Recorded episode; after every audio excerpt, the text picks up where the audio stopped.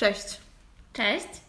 To jest podcast Prawdziwe Zbrodnie, w którym opowiadamy y, historie kryminalne, no i czasem zdarza nam się żartować. tak, wiemy, że to jest dziwne połączenie, ale uważamy, że zdecydowanie lepiej jest śmiać się niż płakać. Y, zachowując oczywiście pełen szacunek. Dla to, ofiar. Tak. E, to jest odcinek piąty e, i musimy zacząć od y, pierwszej poprawki. To znaczy tak. się, ja muszę zacząć od pierwszej poprawki, bo y, czytając y, artykuły ostatnio na różne tematy kryminalne, wpadłam na to, że Karol Kot faktycznie miał guza mózgu. Czyli zbrodniarz, o którym mówiłam chyba w odcinku drugim. Tak. Nie wiem, jak mogłam to pominąć, zwłaszcza, że nawet chyba opowiadając jego historię, wtrąciłam coś na ten temat, że. Rozmawiałyśmy no, o tym, tak. Rozmawiałyśmy o tym, więc ym, to jest moja poprawka.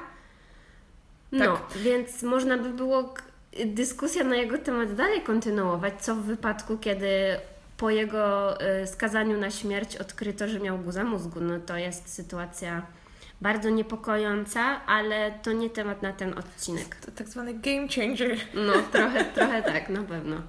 Dobra, ja też mam poprawkę. E, jak się okazało, ja przyznam, myślałam, że prostytucja jest nielegalna w Polsce. Okazuje się, że prostytucja jest, prostytucja jest legalna. Nielegalne jest e, chyba zmuszanie do prostytuowania. Tak. E, czyli sutenerstwo to się chyba nazywa z tego, co się orientuję. Także przepraszam.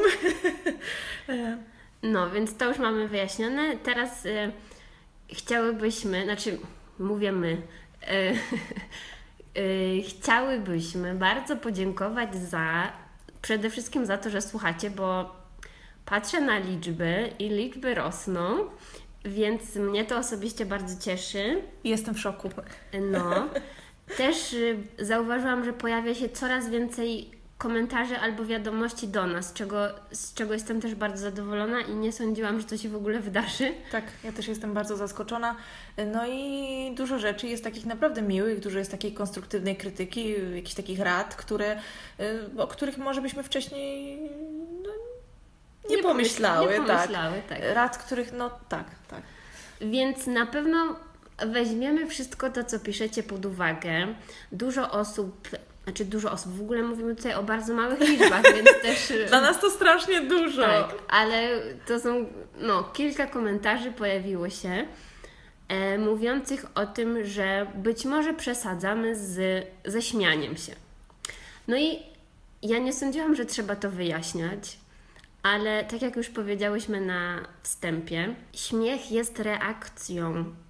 To jest psychologicznie bardzo prosto wyjaśnione jest po prostu reakcją na stres, na lęk, na to wszystko, więc po co robić kolejny podcast o tematyce kryminalnej, y, który będzie tak samo przerażający jak wszystkie inne? Poza tym trzeba też pamiętać, że mówiąc o takich okropność, okropnościach, y, czytając o tych strasznych rzeczach, oglądając na YouTube okropne filmiki, jakieś zdjęcia z rekonstrukcji wydarzeń i tego typu rzeczy, no my też nie możemy tego wszystkiego tak brać do siebie, bo można zwariować. Także mimo to, że mnie to interesuje oczywiście, bo jest to ciekawe, no to też muszę jakoś się bronić przed tym, tak mi się wydaje. Nie wiem. Dokładnie, więc my proponujemy takie podejście do, do tych spraw kryminalnych. Takie, że słuchamy o tym, rozmawiamy o tym, zastanawiamy się nad, nad tym, jak to wszystko działa ale robimy to w taki sposób, żeby nie zwariować. Tak, przynajmniej próbujemy. Mam nadzieję, że nie słuchać mojego kota, który właśnie bawi się kawałkiem papierka na podłodze i szaleje. To jest Lucyna, którą mogliście już zobaczyć na zdjęciu na Instagramie. Jeśli ktoś jeszcze nie polubił naszego profilu na Instagramie, to koniecznie zapraszamy. Tak, i to chyba by było na tyle z takich ogłoszeń parafialnych. W każdym razie jesteśmy bardzo wdzięczne że w ogóle ktoś poświęcił y, minutę swojego czasu, żeby napisać jakikolwiek komentarz i, i te wszystkie uwagi są naprawdę bardzo cenne. Y, I nawet krytyka też, muszę powiedzieć, była bardzo w taki kulturalny sposób i bardzo, bardzo chętnie to czytałam. Także... Mm. Więc Karolina dzisiaj zaczyna pierwsza. Tak, dzisiaj jest moja kolej. No, mhm. więc ja już um, siedzę wygodnie i słucham. no, mam nadzieję, że zapewnię Tobie i naszym słuchaczom świetną rozrywkę. E, ja dzisiaj opowiem o Pawle Tuchlinie, e, czyli Mhm. oryginalnym Skorpionie, e, który grasował w PRL-u. Nazywali go Skorpionem z Pomorza. To dosyć zabawne, bo ostatnio opowiadałam o, o, o panu, który dosyć niedawno, bo w, na początku lat 2000 e, e, grasował i, i zabijał ludzi, ludzi e, bronią o nazwie Skorpion i też tak go nazywali. Natomiast to jest taki OG Skorpion. E, Przepraszam, cringe. I teraz przydałoby się powiedzieć, nie, nie śmiejemy się z mordercy, nie śmiejemy się z tego, że istniał, tylko śmiejemy się z śmiesznego doboru słów. To No, chyba jest, tak. no, No oczywiście tak. Więc e, Paweł e, Tuchlin urodził się w 46 w Górze, to jest e, wioska koło Gdańska. Pochodził z wielodzietnej rodziny, rodziny, w której się nad nim znęcano. On był jednym z najmłodszych dzieci, nie wiem czy nie najmłodszym. Mhm. Tych dzieci było mnóstwo. Ojciec był alkoholikiem. Regularnie się nad Pawłem znęcał. Z tego względu Paweł miał dosyć taką kłopotliwą i wstydliwą przypadłość, mianowicie moczył się w nocy i to bardzo, bardzo długo, aha, czyli do e, kiedy? do 16 roku życia prawie, Ojej. moczył się. I wyglądało to tak, że ojciec się nad nim znęcał, on później moczył się w nocy, rano miał sprawdzone prześcieradła I znowu się nad nim znęcał. i znowu się nad nim znęcał. Jako karę był bity, to się chyba nazywało pyta czy pyda. W każdym razie to były takie splecione rzemienie. I był tym lany. I tak w kółko. On się moczył, był lany, moczył się, bo był lany i tak... Yy, No, wydaje mi się, że no tak jak, jak ktoś mówi, zamknięte koło. Dokładnie, dziękuję. O nocnym moczeniu Pawła niestety wiedzieli wszyscy w jego wiosce. Dzieci nie dawały mu spokoju i kiedy zaczął dorastać, yy, zaczęło mu to sprawiać coraz większe problemy. Yy, Zaczął mieć oczywiście potrzebę kontaktu z dziewczynami, jak to bywa u nastolatków. Mhm. E, natomiast dziewczyny nie chciały mieć z nim nic wspólnego. Chodził na tańce, prosił je do tańca, no to mówiły, czy chciał się z nimi umawiać, to mówiły, że śmierdzi, że czują mocz, e, że nie chciały się, się z nim, e, no nie chciały mieć z nim tak naprawdę nic do, czyn- nic do czynienia i, i raczej się z niego śmiały, drwiły.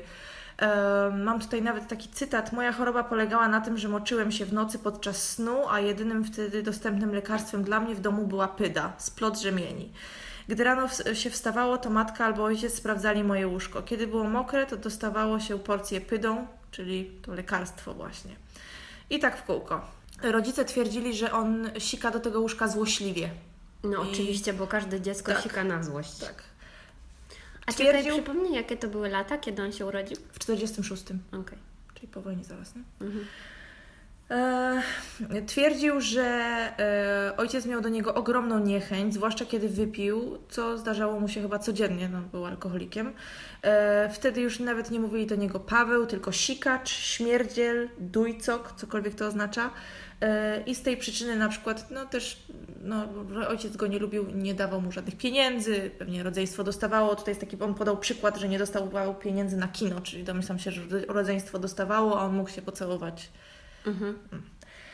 Wspomina też właśnie to, o czym wcześniej powiedziałam, czyli o tych zabawach w świetlicy. E, natomiast, że chciał tańczyć, e, prosił dziewczynę, a ona go znała i, i wstydziła się z nim tańczyć, czy, czy po prostu może nie chciała i mówił, że, mówiły, że śmierdzi, że nie chcą.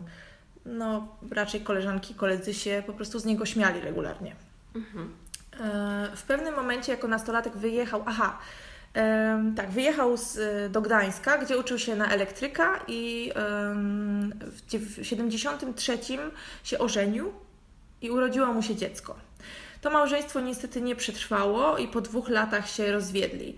E, Gdzieś też przeczytałam, że, że Paweł twierdził, że żona go zdradzała, i jakieś tam parę innych jeszcze, jeszcze powodów. Tuchlin zaczął e, atakować kobiety w 75. Czyli E, po rozstaniu z tą żoną. Tak, powiedzmy. tak, yy, dokładnie. W zasadzie to się chyba tak. Tego samego roku rozstał się z żoną i zaraz później zaczął atakować kobiety. Yy, Natomiast jego perwersje, jeśli mogę tak powiedzieć, zaczęły się wcześniej. Jako nastolatek, z racji tego, że dziewczyny w jego wieku nie chciały się z nim zadawać, no to w jakiś sposób próbował sobie zapewnić kontakt z nimi, chociażby na odległość i po prostu podglądał je. Podglądał je. Wojeryzm. Y, Tak, dokładnie. Stał się ekshibicjonistą po prostu.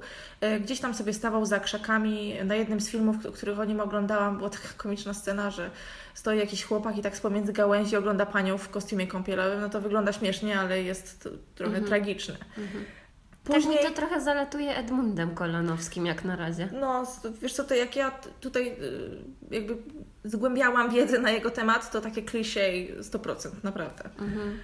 Tak jak mówiłam, najpierw był e, podglądaczem, później ekshibicjonistą, bo ja zmieszałam te dwie, dwa fakty, natomiast najpierw podglądał, później zaczął się obnażać po prostu. No bo już chciał coraz więcej. Tak, y, ponoć też y, w pewnym momencie y, po, poza obnażaniem też próbował łapać kobiety za krocze, na przykład na ulicy. Y, Taka sytuacja wspomniana w co najmniej paru artykułach była, że w pewnym momencie poszedł gdzieś pod Akademię Medyczną w Gdańsku, gdzie wychodziły studentki, w końcu te, szedł za tymi studentkami, studentki się rozdzieliły, y, na co on jednej z nich się obnażył, a dziewczyna a dziewczyna odpowiedziała, czym się chwalisz.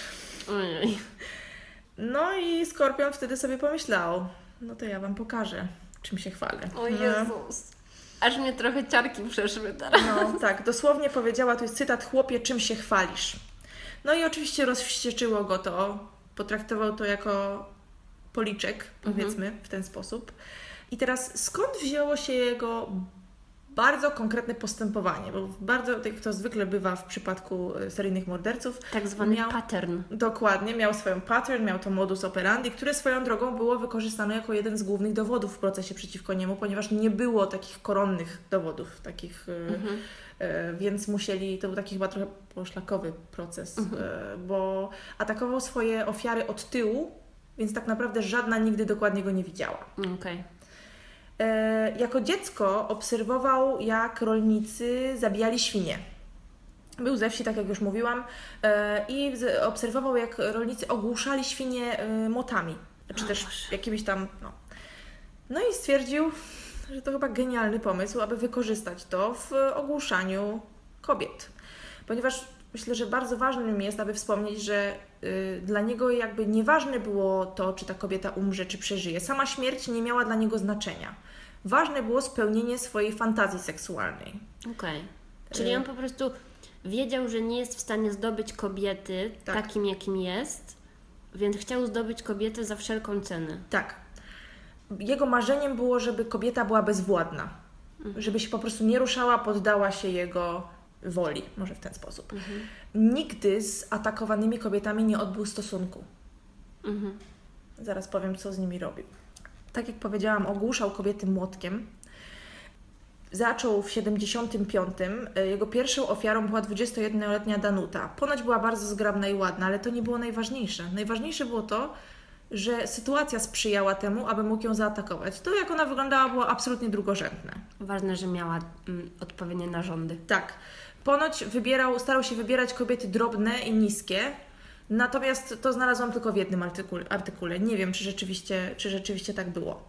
E, oczywiście atakował. W ogóle komiczne znalazłam, e, że. E, znaczy komiczne, tragiczne, ale Tragikomiczne. Dokładnie. Ponoć on atakował w bardzo specyficznych warunkach. Gdzieś, że jakby e, mówił, że e, parę dni przed atakiem czuł się taki super podniecony, że czuł dziwny niepokój, że nie potrafił jakby powstrzymać tego, tego no. co się w nim zbiera, co jest oczywiście normalne dla, dla Psychopatów. dla psychopatów. Natomiast wyruszał na polowanie wtedy, kiedy zmieniała się pogoda. Przeanalizowali to tak, że on wyruszał na, na, na, em, na polowanie wtedy, kiedy ciśnienie spadało, czyli jakby stwierdzono, że bardzo możliwe, że on jest niesamowicie wrażliwy na warunki meteorologiczne. Homeopatą był? Jak to się mówi? Meteopata? Meteopatą, a ja powiedziałam homeopatą. No ale wiadomo o co chodzi.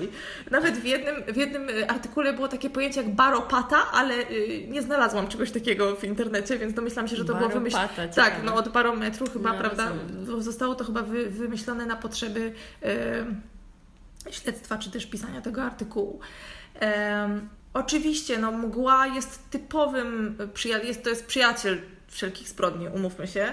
Ogranicza widzenie, pozwala na szybkie opuszczenie miejsca zbrodni, tak więc jakby tutaj nie ma nic, nic dziwnego, że, że, że mgła, zmrok, jak padał deszcz, było dużo wiatru, śnieg, śnieg też, yy, bo jak było zimno, to wiele z tych zbrodni popełnił, więc to jakby to szokujące nie jest, ale to z tym baropatą mnie troszeczkę tak no, rozbawiło. Ale mi trochę, czekaj, bo ja nie rozumiem, bo jak ciśnienie spada, no to wszyscy tak naprawdę czują się osłabieni. Może o to chodziło. Ale, a on czuł się wtedy podekscytowany, Tak kiedy mówił. wszyscy czuli się Tak, osłabieni. on mówił, że przed zbrodnią wzbierało w nim to podniecenie i po prostu nie mógł opanować tej rządzy. E, natomiast e, po, śledczy chyba, czy też ludzie, którzy zajmowali się tą sprawą i analizowali ją po latach, stwierdzili, że właśnie robił to w, w sytuacjach, kiedy ciśnienie spadało, pogoda się zmieniała. Nawet jakiś artykuł miał taki tytuł, że... E, że on atakował, jak zmieniała się pogoda, czy coś takiego. Wiesz, to jest jakiś oczywiście mało znaczący, znaczący, szczegół, ale chciałam o tym wspomnieć, bo wydawało mi się to ba- bardzo dziwne. No, ale to już to śledztwo w takim razie musiało dojść do takiego poziomu em, szczegółowości, czy jakoś tak, że Problem był taki, że on działał naprawdę bardzo ostrożnie. E, więc był taki moment, zresztą dobra, zaraz do tego dojdziemy. Pierwsza ofiara, Danuta, 21 lat, skwer koło dworca PKP, w jakiejś tam części Gdańska. Kobieta, jakby głównymi kryteriami do wyboru ofiary było to, że musiała być sama, no i musiała być oczywiście w miarę opuszczonym e, miejscu, tak? Takim osamotnionym, odosobnionym. Szedł za ofiarą. E, Najważniejszy dla niego był właśnie pościg, tropienie. On często mówił o polowaniu. Tak Tak to traktował. Tak. polowanie. Ta adrenalina była mu, mu, była mu potrzebna. Ponoć zapytał się tej Danusi, czy ma może zapałki. Ona w ogóle nie zareagowała na niego, tylko szła dalej. No a on ją poczęstował młotkiem w tył głowy. Więc to była pierwsza, pierwsza ofiara. Danusia przeżyła, mimo to, że parę razy uderzył ją, ją e, młotkiem w głowę, zaciągnął ją w krzaki, e, ale niestety zauważył, że nie ma młotka. E, chyba zostawił, próbując ją zaciągnąć w te krzaki. Musiał gdzieś mu wypaść. E, zobaczył, że ktoś nadchodzi i po prostu zaczął uciekać. Więc Czyli nic jej nie zrobił? nie, nie, poza tym, że roztrzaskał jej czas, czaszkę, bo mimo to, że Skorpiona skazano za y, 8 zabójstw. Natomiast y, za 8 zabójstw i 11 usiłowań. I 3 czwarte z tych kobiet, które usiłował zabić, z tego co zrozumiałam, skończyło z poważnym uszczerbkiem na zdrowiu. Albo nie mogły mówić, albo nie mogły się ruszać. W jednej z tych spraw było tak, że kobieta, która znalazła dziewczynę zaatakowaną przez skorpiona, czy, czy kobieta to chyba ją znalazła, tak? Y, Przy ciele dziewczyny znaleziono kawałki jej czaszki. Tak Boże. miała roztrzaskaną głowę i jakimś cudem przeżyła, z tego co pamiętam. To Akurat to nie ta- było zwykłe ogłuszenie, nie, on je walił młotem w łeb. I to ileś tam razy. A wiesz, co jest najlepsze? A dobra, to do tego wrócę na, y, później. Bez spoilerów. Właśnie. Po dwóch miesiącach zaatakował podobnie w tej samej okolicy. E, Tym razem również nie udało mu się. Em, To była pielęgniarka pani Mirosława. E, Zaciągnął ją w ogóle za ogrodzenie jakiegoś domu, zsunął już jej spodnie, bo jakby tak robił, że walił w głowę, ciągnął w krzaki czy w jakieś odosobnione miejsce, e, obnażał je od pasa w dół i się z nimi zabawiał. Nigdy nie, nie, nie, e, nie uprawiał z nimi seksu, ale jakby bawił się nimi, czyli dotykał y, i masturbował się. się, no, tak, masturbował. i masturbował się. Był też taki straszny cytat, że który gu- jeden z głównych śledczych w, tym, w, tym, w, ty, w tej, z tej grupy e, powiedział, że Skorpion powiedział mu podczas przesłuchania, że czasami po tym jak dotykał te kobiety po narządach rozrodczych, wkładał im palce, e, to nie potrafił nie myć ręki przez dwa dni, żeby cały czas, cały, cały czas móc, móc ją wąchać. Tak.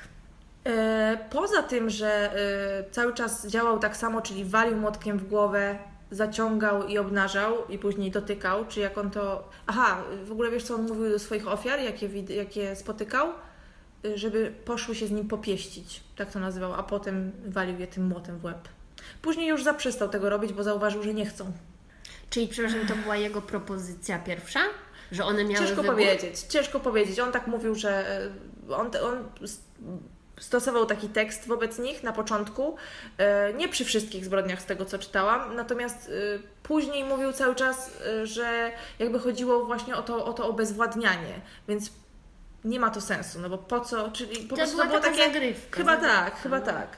E, No a pewnie te biedne kobiety myślały sobie, o jakiś psychol, a potem się czaił na niej i, i rzeczywiście był No. psycholem.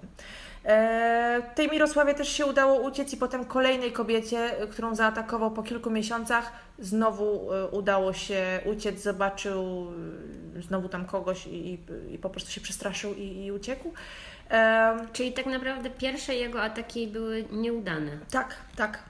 I co się stało później? Ataki y, się przerwały, y, dlatego że trafił do więzienia Aha. w 75, czyli w tym samym roku, za kradzież. Oskarżono go o kradzież w miejscu pracy. Aha. I trafił na, do więzienia na 3 lata. Wyszedł w 79 y, i 9 listopada ponownie wyszedł na łowy. Tym razem niestety już skutecznie. Mhm. E, wyszedł na łowy i to też ten szczegół mnie dobił, przyznam szczerze. E, wychodził na łowy z młotkiem, tak jak już wcześniej wspomniałam. Tym razem zaczął sobie ten młotek owijać materiałem, ponieważ jak chował go sobie w spodnie, to było mu zimno w brzuch od tej metalowej części młotka. Co? Więc żeby było mu, no tak, no bo on sobie tak zapas wkładał. Więc żeby mu nie było zimno od tego młotka, to sobie go owijał materiałem. Okej, okay, no to... Bardzo sprytny, nie? E, i pierwszą skuteczną ofiarą była, e, znaczy skuteczną ofiarą, ofiarą, którą zabił, była 21-letnia Irena. E, zabił ją w okolicach rzeki. Po raz kolejny ważne było to, żeby ją zdominować, nie żeby odbyć z nią stosunek. Znowu zrobił to samo, masturbował się. Aha, zapomniałam wspomnieć, że on tym kobietom zabierał też torebki. Zabierał trofea o, tak. Kolekcjoner. Tak, pierścionki, obrączki, zegarki. Y, w niektórych przypadkach tych ofiar było nawet tak, że jak miały przy sobie zakupy, to on jadł przy nich. Nad ich zwłokami, czy też jeszcze żyjącymi, on jadł. Po prostu wyciągał sobie rzeczy, a to śmietany się y, sobie pojadł, a to kanapkę zjadł. To, co one miały przy sobie, on, no to tak, no bo zmęczył się przecież, no tak się upocił, wiesz. To nie jest chyba łatwe kogoś walić w łeb młotem, a potem zaciągnąć w krzaki i jeszcze sobie zrobić dobrze przy okazji. No naprawdę to jedzenie też muszę przyznać, jak sobie, no, nawet nie chcę Ale to jest też myśleć. kolejny taki kompletny brak empatii, odczuwania jakichkolwiek emocji. Tak, on w ogóle, w ogóle jakby nie żałował, on nie liczył się z tym, że on w dążeniu do tej swojej, do tego swojego spełnienia kogokolwiek skrzywdził, zadał cierpienie czy tak, zabił. Tak, on po prostu nie rozumiał. Nie, jakby to w ogóle dla niego, no dla niego to nie było w ogóle istotne. I oczywiście klasycznie, tak jak każdy, może nie każdy, ale większość z tych, z tych e, seryjnych morderców miał dwie twarze. Mhm. Ci, którzy go znali y, dobrze, mówili, że jest troskliwy, że jest miły, cichy, spokojny mhm, i taki jasne. też był dla rodziny, a dla y, swoich ofiar już taki nie był. Był bardzo precyzyjny, bardzo skupiony na tym, co robił y, i bardzo dbał o, o to, żeby nikt go na tym nie złapał. Mhm. E, I teraz Tulin, Tuchlin, e, uciekając z miejsca zbrodni, zgubił swoje narzędzie zbrodni. Mhm. Zgubił młotek, on mu chyba wpadł do wody, który później milicja odnalazła. Mm. No. I na tym młotku były wytłoczone litery ZNTK i to oznacza zakład, y, zakłady naprawcze taboru kolejowego, mhm. oczywiście z Gdańska. No to już e, jakiś trop. Tak, młotek został stamtąd skradziony, e, no i milicja dostała od tych zakładów listę pracowników, którzy mają mieli dostęp do takich rzeczy. E, Tuchlina nie było na tej liście i teraz kwestia tego, czy został przeoczony dlatego, że jakaś pani po prostu go nie zauważyła, nie wpisała go na listę, że on tam przyszedł i coś zabrał, ale, też kwestia była taka, że on bardzo krótko tam pracował, więc bardzo możliwe, że on na żadnych listach się nie znalazł. W każdym razie na liście go nie było, nikt tego nie zauważył. Też w jednym z artykułów znalazłam informację, że w okolicy polowało się na szczury wodne młotkami owiniętymi w materiał, aby nie zniszczyć futra. Trzeba przypomnieć, że to były ciężkie czasy, więc może na coś im było to futro ze szczura. I milicja chyba troszeczkę dlatego jakby zbagatelizowała, zbagatelizowała ten trop, tak zostawiał po sobie bardzo mało śladów. Też bardzo ciekawa sprawa, w 80 w lutym Skorpion ponoć zamordował e, Anastazję E., która pracowała w centrali rybnej w Gdańsku. E, szła przez jakieś e, odludzie, było bardzo późno, padał deszcz ze śniegiem. Ofiara ponoć nie bardzo się śpieszyła do domu, dlatego że była w złych relacjach z mężem.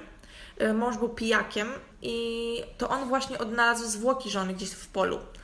Y, ale coś, co naprawdę dziwne, ten alkoholik, Jerzy E., y, przyznał się na policji, że on zabił żonę. Opowiadał o zbrodni, nawet znaleźli u niego w domu jakiś młotek ze śladami krwi, ale okazało się, że młotek był za mały, aby pasował do tych obrażeń, które zadano. Anastazji. Tak. Może Pozba- był tak pijany, że myślał, że zapomniał. I tak właśnie, tak też gdzieś tam słyszałam w jednym z, z filmów, które oglądałam na YouTubie, że on, em, że on po prostu w ogóle tego nie pamiętał, ale był pewien, że on to musiał zrobić. Mhm.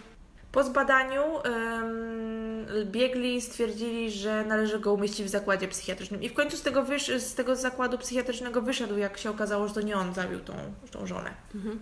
Oczywiście kontynuował swoje, em, swoje podboje, o ile mogę tak powiedzieć, nie, źle to brzmi. No, Polowanie. tak, kontynuował swoje polowna, polowanie. Dalej zbierał pamiątki, które pomagały mu, te trofea, które pomagały mu fantazjować o tym, co zrobił, tak wracać do tych mm, wspomnień. Mhm. Em, o, i właśnie 21, e, przepraszam, we wrześniu 80 e, zabił Cecylię, 21-latkę, przy- która miała ze sobą zakupy i właśnie to nad nią jadł. Tak. E, W tym samym roku również wziął do ślub po raz drugi z panią Reginą i przeprowadził się do góry, skąd pochodził. Tam mieszkał z rodzicami. Zamieszkał w gospodarstwie po, po swoich rodzicach, chyba z tego co pamiętam. Małżeństwo go jednak nie zmieniło. Z tą panią również miał dziecko. Co dziwne, przy tych pierwszych zbrodniach e, milicja nie zauważyła żadnego związku. A przynajmniej, może nie, inaczej, nie milicja nie zauważyła, tylko milicja zgłaszała, że może być związek między tymi sprawami. Przynajmniej tak słyszałam w wywiadach z, ze śledczymi, którzy brali udział w grupie Skorpion, która została powołana w 83. Przepraszam, jeśli słychać jakieś dźwięki, ale mój kot jest dzisiaj niesamowicie pobudzony. Ja nie mam serca je zamknąć w pokoju. Więc bawiła się papierkiem, który chyba było dosyć mocno słychać. Ale dobra, Mam wracamy nadzieję, do że da się coś z tym zrobić. Em, A teraz próbowała wskoczyć na stołek Biedna, o nie, widać, że się wstydzi. Dobra, nieważne. E, Wracamy do strasznej zbrodni. E, Milicja sygnalizowała, że te wcześniejsze ataki na kobiety mogą mieć coś ze sobą wspólnego, natomiast na górze chyba nikt sobie z tego nic e, nie robił. Wszystko zmieniło się po bardzo brutalnym zabójstwie Bożeny, 24-latki, e, w Skarszewie. W Skarszewach, przepraszam. E, dziewczyna e, skończyła pracę o 20.30 i szła do domu. E, pomagała mamie, bo chyba jej ojciec umarł, a miała dużo rodzeństwa. E, Skorpion e, uderzył ją w głowę na chodniku e, i przyciągnął na drugą stronę jezdni. Oczywiście wrócił po jej torebkę, no bo jak? Jak to inaczej? W tym czasie okazało się, że Bożena jest przytomna, czy też odzyskała przytomność, przepraszam, i próbowała wstać, próbowała uciec. E, No to ten znowu zaczął ją walić e, młotkiem w głowę, przerzucił ją przez jakiś murek. Czy ty wyobrażasz sobie, ile on musiał mieć siły, żeby przerzucić kobietę bez, taką bezwładną przez mur? No, takie, jeszcze takie mm, bezwładne ciało to chyba tak jakby waży dwa razy więcej, no. więc... E, próbowała się Bożena opierać dalej po tym przerzuceniu przez mur, waleniu głową, przepraszam, młotem w głowę wielokrotnie, coś bełkotała, e, więc on jeszcze więcej walił ją w głowę. Boże, E, ale ileż uderzeń w głowę można przeżyć? Nie wiem, szczerze mówiąc, już nawet nie pamiętam. E, chciał ją tylko unieruchomić, No, nawet tu jest o wszystkich kobietach, cytat, chciałem ją je tylko unieruchomić, gdyby się nie ruszały, nie musiałbym zabijać. No jasne. Tak powiedział. Świetne Em, wytłumaczenie. Jęki tej Bożeny. E, Czyli tak była- naprawdę to jest w ogóle jej wina. Tak. Jeszcze.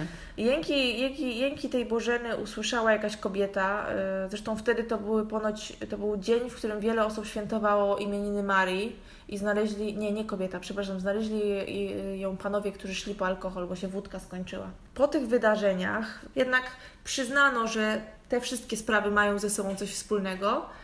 E, Na początku 1983 roku zostaje powołana grupa Skorpion. E, No, może gdyby udało się to zrobić wcześniej, gdyby ktoś potraktował poważnie podobieństwa pomiędzy tymi wszystkimi atakami na kobiety, to, to udałoby się udaremnić wiele z tych morderstw i usiłowań morderstw, które okaleczyły y, kobiety. Zespół myśli, że ma sporo czasu po założeniu zaraz, ponieważ wcześniej były dosyć spore odstępy pomiędzy Aha, tymi jego rozumiem. zbrodniami. Em, Nie zawsze oczywiście, ale no, no nie, nie działy się one często. To nie było tak, że z dnia na dzień były kolejne no, był ofiary. cykl. Tak, on chyba y, zabił 8 kobiet w przeciągu 3 lat. Aha.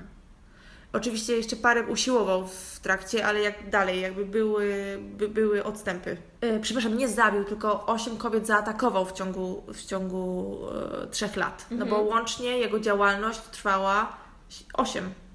Od 75 do 83. Oczywiście była też ta długa przerwa związana z jego pobytem w więzieniu, ale wtedy jeszcze nikt o tym nie wiedział, No co on zaczął robić przed, przed, em, przed y, wyrokiem. 11 dni po utworzeniu grupy Skorpion, em, niestety on zaatakował ponownie.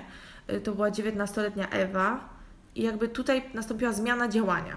Y, Okresy pomiędzy napadami były coraz krótsze. Ewa przeżyła te, ten atak, no i bardzo chciała pomóc. Opowiedziała tej grupie Skorpion wszystko, co wie. Y, Pomogła w narysowaniu portretu y, pamięciowego, natomiast portretów było chyba trzy lub cztery. Znalaz- Znajdowałam różne informacje i były one dosyć rozbieżne. To, co było wspólne na tych portretach, to było to, że na wszystkich był to mężczyzna o bardzo szczupłej twarzy z wystającymi kośćmi policzkowymi y, i raczej to była twarz taka pociągła. Mhm. Nikt nie, po, nie potrafił podać dokładnego rysopisu z kobiet, które przeżyły, dlatego że żadnego nie widziała dokładnie, bo tak jak mówiłam, walił je No od tak, tyłu były nieprzytomne. w głowę. Na tym etapie już śledczy, mimo to, że on zostawił tak mało dowodów, już mieli sporo e, informacji na jego temat. Musiał być dosyć wysportowany i dosyć silny. To jest raz. Ustalili chyba na podstawie mm, tego, gdzie walił, z jaką siłą i tak dalej, że musiał mieć pomiędzy 1,75 m a 1,80 m wzrostu i pewnie był młody, czy też stosunkowo młody, o w ten sposób, że tak, raczej nie był to być- staruszek. Musiał być w formie. Tak, jak ciągał te zwłoki czy, czy, czy ciała w tej nazad, no to siły na, sporo potrzeba na to. Y, W pewnym momencie y, ta grupa Skorpion zorientowała się, że tak naprawdę jedyne co im pozostaje to albo liczyć na to, że więcej nie zaatakuje, albo zobaczyć co się stanie, jak zaatakuje znowu, bo mieli tak naprawdę nie mieli żadnych prawdziwych dowodów, żadnych prawdziwych poszlak. Nie było punktu zaczepienia. 28 lutego 1983 roku e, Tuchlin postanawia kraść, y, postanawia kraść, postanawia ukraść e, świnie e, z pobliskiego gospodarstwa. E, Od swoich sąsiadów, można powiedzieć. Nie wspom- wspomniałam wcześniej, że został skazany za kradzież i był za to w więzieniu. E, Natomiast im więcej zbrodni popełnił, tym bardziej zuchwały się robił. E, Wydaje mi się też, że z racji tego, że wrócił stare śmieci do tej miejscowości rodzinnej, to bardzo dobrze znał te tereny. No tak. I czuł się tam po prostu pewnie. I zresztą też takie komentarze w, w paru miejscach na jego temat znalazłam. Ukradł te świnie e, i ukradł też żuka, e, samochód, którym te świnki do domu zawiózł. E, Świnie podarował żonie, podobnie jak część trofeów, które zabrał. Tak, które Co zabrał. za debil. Masakra, wiem. Które zabrał swoim ofiarom.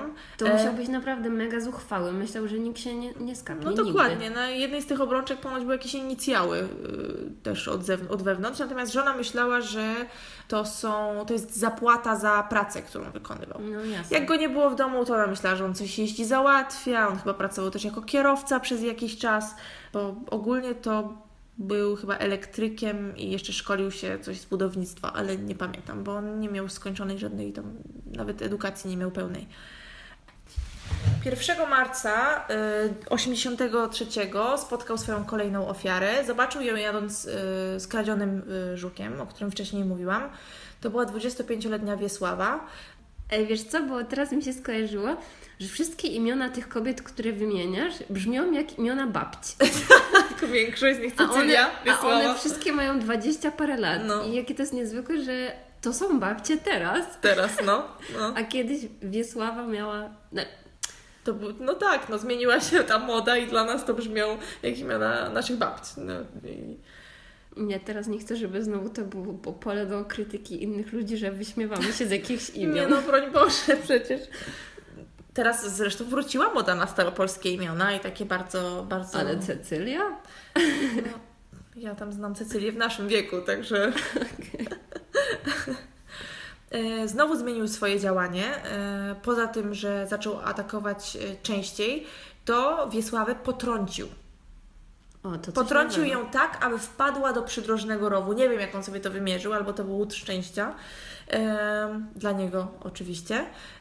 Potrącił ją, e, nie wiem, z tego co pamiętam, on ją chyba jeszcze w, łeb walnął dla, tak wiesz, dla Dla pewności. zasady. Tak, wciągnął ją do samochodu i pojechał gdzieś z nią tam w las. Zaspokoił się, jak to miał w zwyczaju.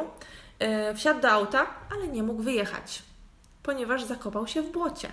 O, Nie mogąc wyjechać, postanowił e, uciec pieszo e, i oczywiście milicja znalazła ten samochód. I co ciekawe, na tyle samochodu znalazła świńskie odchody. o. I już wiedzieli, że jest to powiązane z kradzieżą świniaków. I co to powiedziało milicji nowego o sprawcy?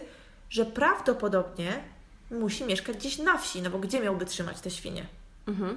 No w mieszkaniu pewnie nie. Mogłoby mu być ciężko. Y, Też dzięki temu milicja zyskała wiedzę, że jest on w pewnym sensie taką złotą rączką, bo i złodziejem, poza tym, że kradnie świnie, no to jeszcze potrafił odpalić auto bez kluczyka, Okej. bo to był kradziony żuk, który, mm, ten, którego znaleźli. Później, z racji tego, że ukradł już te świnie, potrzebował parnika. W jednym z wywiadów ze śledczymi yy, śledczy powiedział, że potrzebował parnika, żeby przygotowywać karmy, karmę, yy, więc dlatego domyślam się, że to przez te świnki, które ukradł. A yy, Paweł ukradł ten parnik sąsiadom. yy, Który ten sąsiad właśnie poszedł na policję i naskarżył na, na Pawła, że to on mu ukradł te, ten parnik. Czyli nie wiem jak. Tak, zagęszcza się, zagęszcza się. Nie wiem, jak ten sąsiad wiedział, że on mu ukradł ten parnik, ale może go przyłapał, może ktoś go widział, a po prostu może wiedział, że ten Paweł y, jest jakiś. y, No, złym człowiekiem. Tak, dokładnie. I w zasadzie to już jest y, koniec Skorpiona w pewnym sensie. E, policja do niego dotarła, a dotarła do niego tak, że funkcjonariuszka zobaczyła protokół, e, który był spisany przy kradzieży tych parników. I zorientowała się, że te sprawy mogą być połączone. Więc No. poszła do swoich przełożonych, pokazała im to i powiedziała: weźcie to sprawdźcie, no bo może to jest jakby ta sama sprawa, tak? No i o to chodzi w byciu śledczym. Dokładnie. No i coś robili, co zrobili śledczy? Zaczęli się przyglądać Tuchlinowi. Sprawdzili, czy był on karany. Dowiedzieli się, że był karany za kradzież w przeszłości, że siedział w więzieniu. E, przyjechali do niego pod dom. On myślał, że chodzi o tą sprawę parników, bo oni chyba tak pozwolili mu myśleć, e, tylko tą sprawę na początku poruszyli. Ponoć się ubrał, wziął dokumenty, grzecznie pojechał z nimi na komendę. Absolutnie bez żadnych fajerwerków dał się zatrzymać. I właśnie 31 maja 83 za, nastąpiło to zatrzymanie. Przyjechały po niego trzy samochody, e, właśnie tych, tych śledczych z grupy Skorpion, która była poświęcona e, e, Morderstwom kobiet. dokładnie. E, zatrzymali Pawła, a ten przyznał się do, do tych zbrodni, nie wiem czy do wszystkich, ale po około trzech godzinach. E, W jego gospodarstwie znaleźli narzędzie zbrodni, czyli młot z mm, śladami krwi, jak i biżuterię, którą ukradł ofiarą, te jego trofea, jak je nazywali. E, żona, jak już wspomniałam, myślała, że dostał te, pienie- te rzeczy jako zapłatę. Ponoć rozwiodła się z nim jeszcze podczas procesu. Oczywiście nie mogła uwierzyć, że on coś takiego zrobił. E, No i bardzo dobrze. tak, nawet ponoć nie trzeba było go bardzo zmuszać, że najpierw myślał o tym, że, że na, na przesłuchaniu, że to chodzi o parnik i gdzieś znalazłam taki cytat, że jak wspomnieli o zabójstwach i o tych rzeczach, które u niego znaleźli, to zakrył usta. I że jakby w sensie, że zrobił, wiesz, tak takie zas- zaskoczoną minę. No i po paru godzinach e, się przyznał. Ponoć lubił przesłuchania. E, Ale to też chyba jest taki motyw, że on już. Bo tak naprawdę z tej wiedzy, którą mamy, to wydaje mi się, że każdy taki psychopatyczny morderca, on czeka, aż zostanie złapany. Dlatego też miałam wcześniej taką myśl, jeśli mogę tu wtrącić, oczywiście. że mówiłaś, że odstępy między zbrodniami były coraz krótsze. Bo też wydaje mi się, że napięcie w nim rosło. Może czuł, że policja jest powiedzmy na jego tropie. Na razie nie miała konkretnego tropu, ale wiedziała, że coś się dzieje. Więc wydaje mi się, że to powodowało w nim takie jeszcze większe jakby to podniecenie, co generowało to, że musiał coraz więcej atakować kobiet, no nie? To mi się wydaje, że to się całkiem logicznie składa. Tak, y, w jednym z artykułów znalazłam cytat, że on powiedział, że dobrze, że go złapano, bo robiłby to dalej, ale nie zgadza się to z innymi wypowiedziami, które, które dał. Y, Więc nie wiem, czy do końca wierzę w to, że on rzeczywiście to powiedział. Y, Jak mu powiedziano, ile kobiet zabił, to był w szoku. Powiedział, że jak je zostawiał, to jeszcze były ciepłe, twierdził, że oddychały. Yy, ale nie specjalnie chyba sobie nic z tego zrobił. Tak jak mówiłam wcześniej, on nie zdawał sobie chyba, w ogóle nie, nie brał pod uwagę cierpienia i tej śmierci, którą zadawał. Mm, Jakby to w ogóle nie było dla niego istotne. Też mi się wydaje, że nawet mógł tego nie liczyć. Tak, i ponoć też zdziwiony był, że go nie bito jak po, po złapaniu. Że był pewien, że go będą lali, jak go, jak go będą przesłuchiwać. Oczywiście, bo tatuś się przypomina. Tak. E, em, biegli po, po zbadaniu, tam ileś tam trwały te badania biegłych, oczywiście rozważali nie tylko to, co on mówił, ale też te czyny, które popełnił. Stwierdzili, że jest poczytalny, czyli tym samym oznaczało to, że może stanąć e, Przed przed, sądem. sądem. Tak. Prawda jest taka, że złapano go tylko dlatego, że popełnił błąd. Jak to bywa, sama pewnie kojarzysz, w przypadku seryjnych morderców tylko i wyłącznie mm, błąd może pozwolić na schwytanie. E, No e, tak. Tak, bo przecież oni doskonale wiedzą, co robią, mają wszystko świetnie zaplanowane. Im więcej tego robią, tym większy, większą wprawę mają w, w zabijaniu. I coraz bardziej zuchwali się robią, więc można, można liczyć na błąd. Zwłaszcza, że no, robił to coraz częściej, tak jak też już y, mówiłyśmy.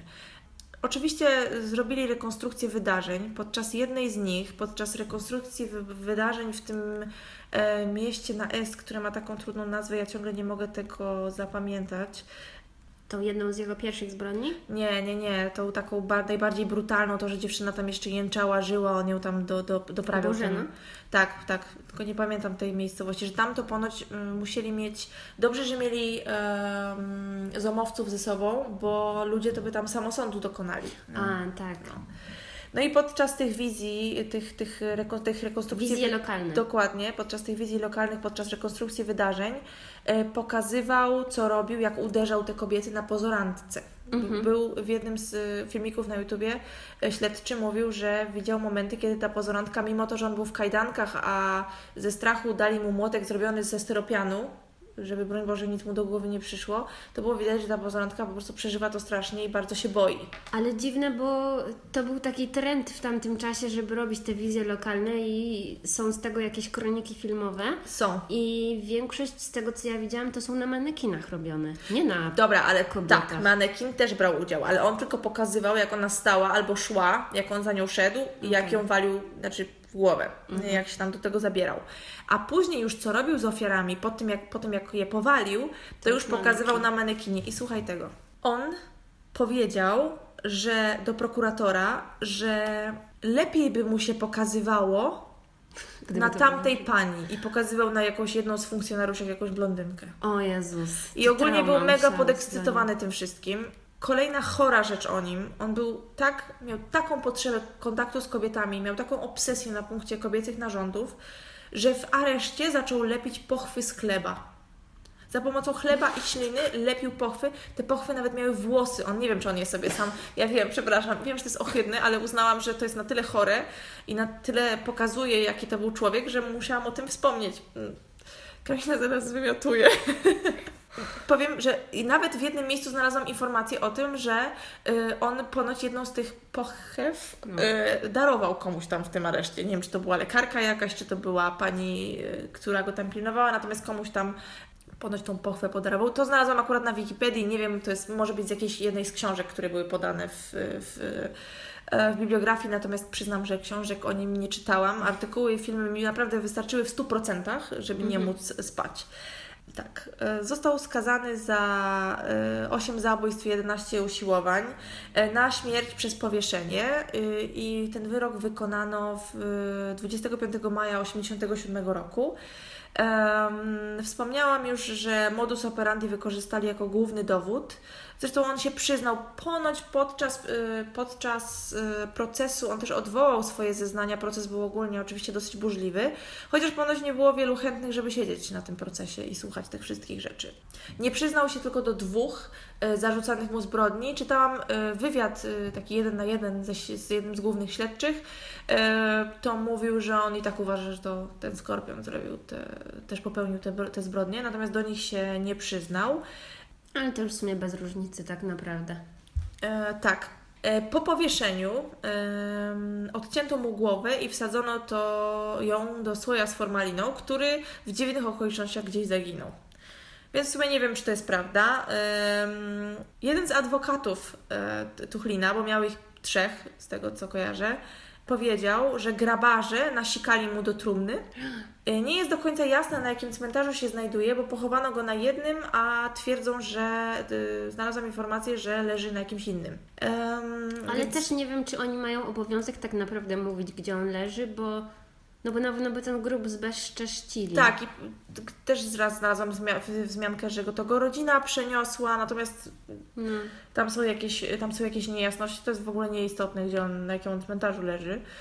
Przed powieszeniem e, błagał o życie i trzeba było go tam trochę siłą zaciągnąć na tą szubienicę. Czyli paniki dostał przed śmiercią? Tak, ale, ale ponoć w końcu się z tym pogodził i, i no wykonano wyrok. O przedmiotach, które zabierał ofiarą, mówił, że często się nimi bawił, poza tymi, które dał żonie. I lubił myśl, że te kobiety, jak e, zobaczyły, że nie mają e, tych przedmiotów, to się martwiły, a ta myśl go cieszyła, ale nie wie dlaczego. Um, Taki oprócz bezrefleksyjny człowiek. Tak, oprócz tych kosztowności, które zabierał, też e, przeczytałam, że lubił e, zabierać e, skrawki majtek w sensie materiałów, których używał później jako chusteczek do nosa. Jezus. W paru miejscach znalazłam takie określenie jak parafilia, czyli że on to miał, wykształciła się u niego parafilia, czyli pociąg do rzeczy nienormalnych, które nie są uznawane za normalnie takie seksualne.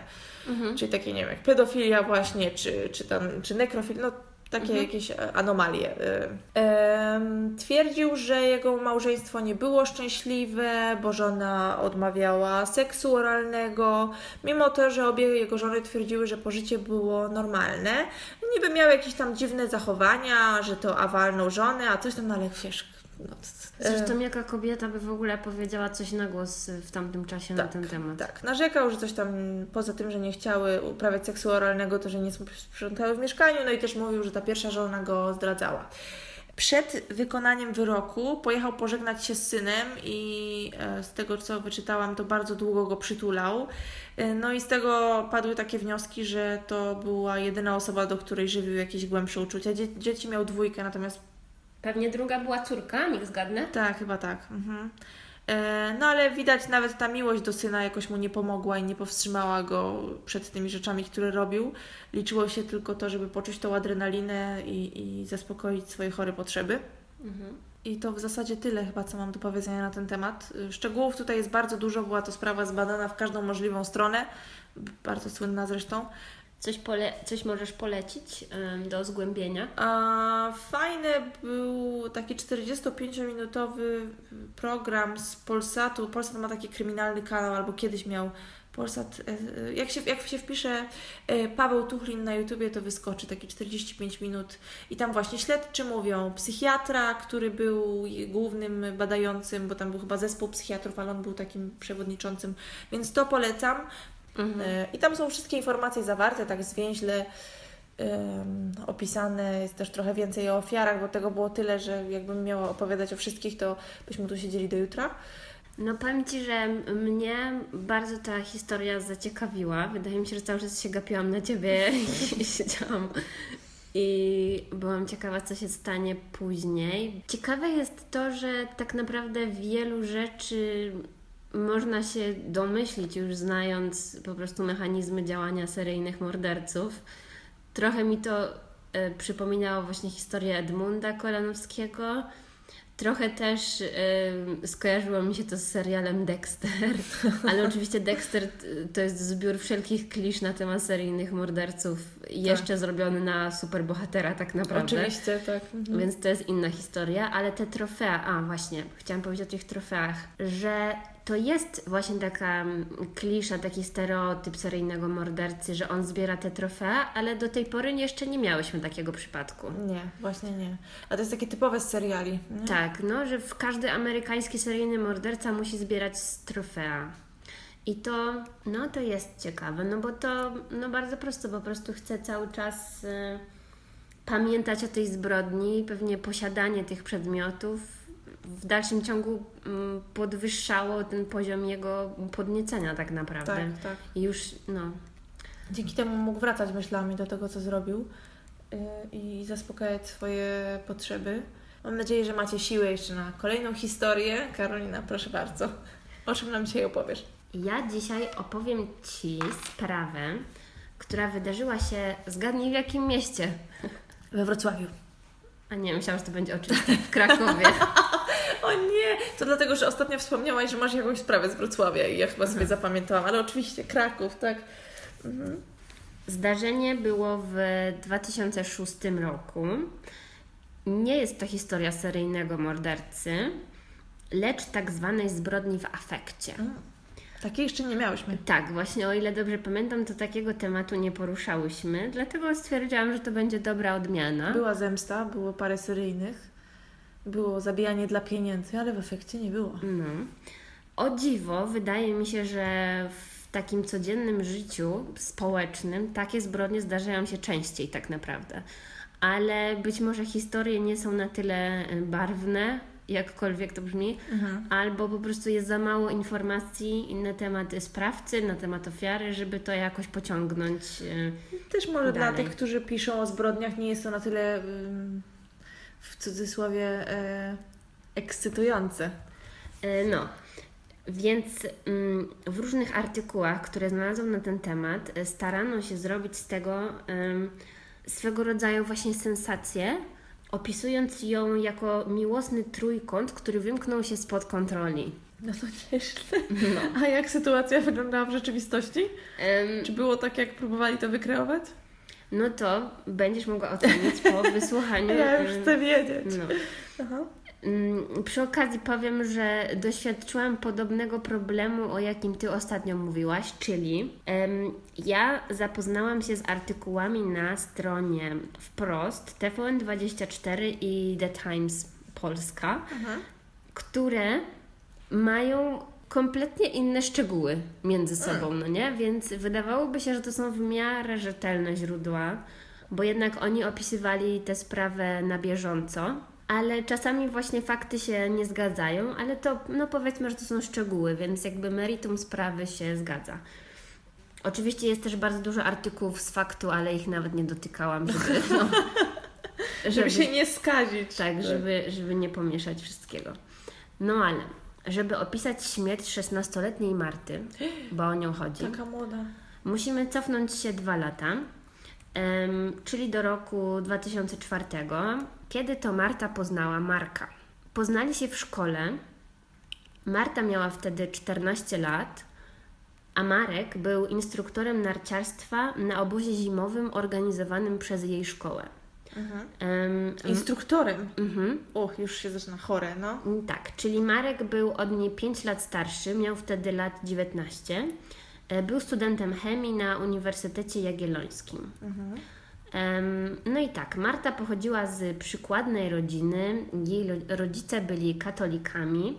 E, Oczywiście wierzyli w to, że ich córka jest niewinna, młoda i że nic złego jej w głowie nie siedzi. Oczywiście. Podobno rodzina e, Marty mieszkała w jakiejś willi. Z tego możemy wnioskować, że na pewno byli zamożni. Pewnie nie było to w centrum Krakowa, tylko gdzieś na jakimś ładnym e, osiedlu zacisznym. No i Marta wraca z ferii zimowych i zachowuje się jak to zakochana nastolatka. Oczywiście, dramat. Mhm. Więc rodzice interesują się jej zachowaniem. Z artykułów, które czytałam, wynikało, że no, musieli być blisko albo przynajmniej jakby w dobrych stosunkach, więc Marta zaprosiła swojego wybranka do domu, żeby poznali go rodzice. Ile on miał lat? No, 19. 19, przepraszam, umknęło mi. Mhm. No i rodzice, co jest dosyć dziwne, zważywszy, że nie byli katolikami i tak dalej, zaakceptowali Marka e, z, praktycznie z otwartymi ramionami go przyjęli. Boże, wy jacy wyrozumiali. No, przez co Marek bardzo często przesiadywał u nich w domu, praktycznie czuł się jak u siebie, cały czas jadł razem z nimi rodzinne obiadki i tak dalej. Rodzice nie byli zaniepokojeni relacją Marty i Marka. Wierzyli, że dzieci uczą się Mhm. i jakieś tam figle zostawiają na później. Naiwni rodzice, no. E, tak. Stwierdzili, że jeżeli dzieci mówili o tym Marku też jako dziecko, on był sporo starszy jak na tam, no różnica wieku taka 14 a 19, no to jest raczej odczuwalna. Może pocieszał ich fakt, że on u nich dużo siedział. Myśleli, że wiedzą, co się dzieje. Tak, na pewno. Rodzice myśleli, że jeśli um, młodzi będą chcieli przenieść ten swój związek na kolejny poziom, mhm. E, to zrobią to po katolicku, czyli zaręczą się, wezmą ślub i tak dalej. No. Nie wiem, czy to była jakaś ubarwiona historia, ale póki co składa się to w jakąś taką no wiesz, ładną e, całość. Mhm. No i rok później, kiedy Marek był na drugim roku studiów, i dalej spotykał się z Martą, byli dalej gołębeczkami. Jestem w szoku, naprawdę? Dwa lata wytrzymał? Mm, no tak, w sumie tak. Na drugim roku studiów poznał drugą dziewczynę, Monikę. Mhm. E, Monika od razu mu się spodobała i szybko zostali parą. Okazało się, że Marek i Monika, czyli ta druga dziewczyna, mają ze sobą sporo wspólnego, ponieważ ich mamy razem studiowały. Mhm. Mm, na Akademii Medycznej swoją drogą. Byli sobie przeznaczeni. No, chyba tak. Dzięki temu, dzięki właśnie tej mm, koneksji, Marek został znowu bardzo miło przyjęty w domu Moniki. Mhm. E, jej rodzice równie szybko go zaakceptowali i zaufali mu na tyle, że Marek praktycznie cały czas przysiadywał u nich w domu no chyba, że był u drugiej e, Marty, no to wtedy... No tak, teraz musiał dzielić swój czas na dwie kochanki, tak? Mhm. Przepraszam, dziewczyny. Więc z tego co rozumiem, to musiał mieć klucze do ich domu i pilot do garażu, mhm. E, żeby sobie wjeżdżać i wyjeżdżać, kiedy mu się podoba. No a nikt nie miał nic przeciwko. No, bo rodzice byli w pracy, dziewczyna na uczelni, a on sobie tam, nie wiem, relaksował się. Mhm. No i oczywiście dziewczyny Marta i Monika o sobie nie wiedziały. E, kiedy Marek szedł spotkać się z drugą dziewczyną, no to mówił, że idzie z kolegami na piwo. No, typowy facet. Oczywiście, musi im, przecież chłop musi się odstresować, no. Mhm. A taka dygresja, że z czasem w końcu obecność Marka w domu Moniki zaczęła przeszkadzać jej mamie, ale o tym powiedziała dopiero w trakcie przyszłego śledztwa. Uuu, dlaczego ciekawe? No. Monika, mimo obiekcji ze strony mamy, y, była mega zafascynowana Markiem. Y, na tyle, że oni w ogóle chyba razem studiowali, więc jak on nie przychodził na zajęcia, to ona mu notatki robiła, jakby właściwie wszystko za niego na tych studiach robiła, była w niego wpatrzona i zaręczyli się. Mhm. Czy Marek był jakimś super przystojniakiem, czy o co tu chodzi? Ja widziałam jakieś tam zdjęcia mm, z innej sytuacji i nie wyglądał zbyt dobrze. No nie wiem, mojego by serca by nie skradł na pewno. Może miał wspaniałą osobowość, jak wiemy, to jest najważniejsze. Mhm. Więc... Więc tak, do tej pory Marek ma mega szczęście, bo ma dwie dziewczyny, które są w niego wpatrzone. Ma tak naprawdę dwa otwarte domy dla siebie. Um, On nie miał swojego domu? No, Niby miał, ale ja właśnie się zastanawiam, czy, bo według mnie on by nawet nie musiał wynajmować żadnego mieszkania, a jak wiadomo w Krakowie wynajmowanie jest bardzo drogie, bardzo. więc mógł sobie zaoszczędzić biedny student i mieszkać trochę u tej, trochę u tej. Wątpię, żeby w ogóle kupował jakieś jedzenie, skoro cały czas wchodził do praktycznie lodówek e, rodziców. Ale ta bajka, ta idylela kończy się w momencie, kiedy Marta, mm, czyli ta dziewczyna, która jest z, z liceum, ta starsza, ze studiów? Nie, nie, nie. Marta to jest ta, A, która jest tak. w wieku szkolnym. Wtedy ma 16 lat, kiedy to mu pisze. To już prawie nie jest ohydne. E, pisze mu to na gadu-gadu. Mhm. Mm, czyli tutaj taki throwback do najlepszego komunikatora, jaki kiedykolwiek istniał. Więc Marta pisze mu na gadu-gadu, że ma dziwne objawy, źle się czuje, wymiotowała i tak dalej. Jest w ciąży. No i mówi, że tam okres jej się spóźniał, więc podejrzewa, że może być w ciąży. Na co Marek mówi, że niemożliwe, że jesteś w ciąży, bo ja uważałem, i że pewnie masz grypę żołądkową. No ale Marta w tej sytuacji robiła się coraz bardziej zaniepokojona, a on przecież miał być jej ukochanym, miał być jej oparciem, więc ona bardzo chciała się z nim spotkać i o tym porozmawiać. No ale chłopak przez trzy dni nie dawał jej znaku życia, bo podobno był na jakichś zawodach. Mm, W końcu e, po tych trzech dniach odpowiedział na jej wiadomości, że dobra, e, przyjadę po ciebie do szkoły, pogadamy na spokojnie. Więc Marek przyjeżdża po nią do szkoły i zabiera ją gdzie? Do pustego domu Moniki. Co? Co to za bzdura? Tak. I co mi powiedział, że tam mieszka, czy co? Tak, znaczy się, y, na tyle szczegółowy był artykuł właśnie na wproście i oni tam napisali, że y, Marek powiedział jej, że to jest jedna z jego willi, która jest obecnie niezamieszkana. Okej.